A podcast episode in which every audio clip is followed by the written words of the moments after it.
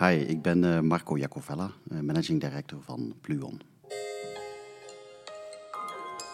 Wij onderscheiden de klassieke lader, de AC-lader in de volksmond, en de snelladers, dat zijn de DC-laders.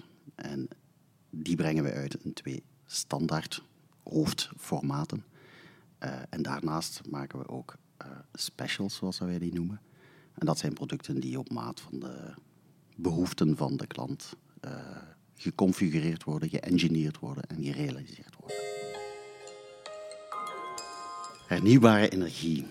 Ja, inderdaad. Ik denk dat wij allen een bijdrage te leveren hebben, maatschappelijk ook, aan de manier waarop dat wij met moeder aarde omgaan. Dus iedere ochtend als ik opsta, dan uh, sta ik op met een glimlach omdat ik een bijdrage wil leveren. Tot het maken van een betere le leefwereld eigenlijk voor iedereen. Omdat we eigenlijk toch stiekem een stukje afnemen hè, van, uh, van moeder natuur. Vandaar ook die hele energietransitie hè, die op gang is gekomen. Uh, 15 jaar geleden hebben we een hele sterke stap gemaakt. Denk aan zonne-energie, aan windenergie. En dat allemaal om minder fossiele brandstoffen uh, te moeten verbruiken. Vandaag zie je dat enerzijds tegen de barrières aanlopen, dat bijvoorbeeld uh, netten, distributienetten voor elektriciteit, tegen hun ontwerplimieten aanlopen. En anderzijds dat de energietransitie zich ook doortrekt uh, naar het uh, niet enkel um, het maken van warmte of elektriciteit voor uh, de industrie, maar ook de transportsector aan te pakken, omdat het ook een vervuilende tak is, of, een, of laten we zeggen een flinke bijdrage levert.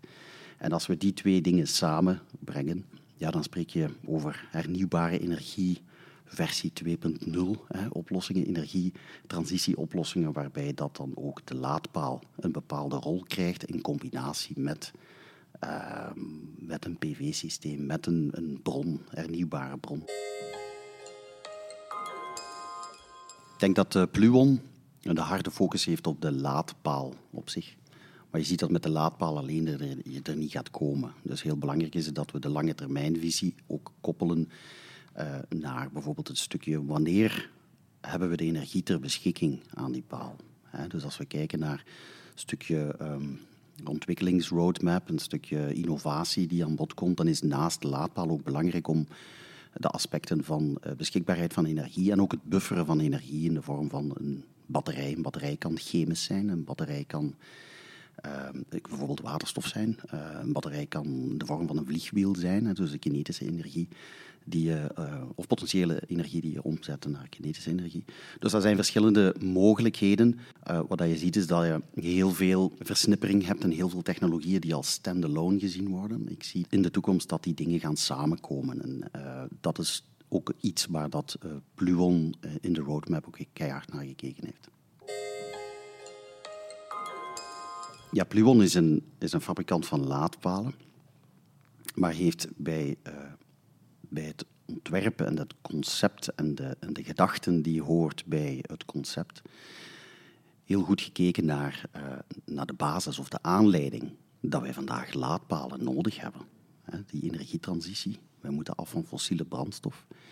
Een onderdeel daarvan is dat we anders moeten gaan rijden. Dus wegtransport gaat niet met fossiele brandstof. Er zijn nog andere mogelijkheden naast elektrisch waterstof, waar dat al jaren over gesproken wordt.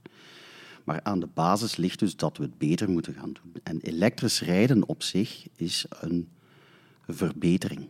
Ook al gebruiken we grijze energie om elektrisch te rijden, is dat nog steeds interessanter. Uiteraard is groene energie aan die laadpaal uh, helemaal interessant. We hebben allemaal onze maatschappelijke verantwoordelijkheid en, en het is ook aan Pluon als privéonderneming om die maatschappelijke uh, bijdrage te leveren en op zich te nemen. We hebben dat ook getracht uh, niet enkel te vertalen naar, uh, naar ons, onszelf in de bedrijfsvoering, maar ook naar het product, dus de beide samen. Met de productie van de laadpalen die we, die we maken, trachten we werkgelegenheid te creëren in de nabije omgeving. Wij trachten ook verstandig om te gaan met de herkomst van de materialen die we gebruiken.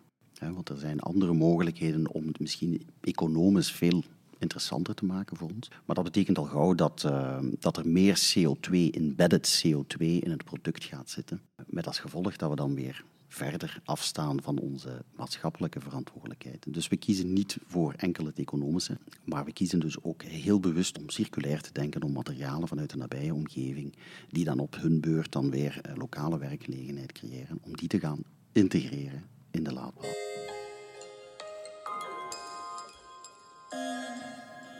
Local supply, global range. Dat mag je letterlijk nemen. Met andere woorden, die dan Zuid-Europa een zeer grote vraag is naar de Pluon laadpalen, dan zullen we het niet nalaten om die ook daar te gaan produceren. De ambitie van Pluon is om in 2030 heel Europa te doorkruisen, van Pluon laadpaal tot Pluon laadpaal. En af en toe te stoppen voor een koffertje.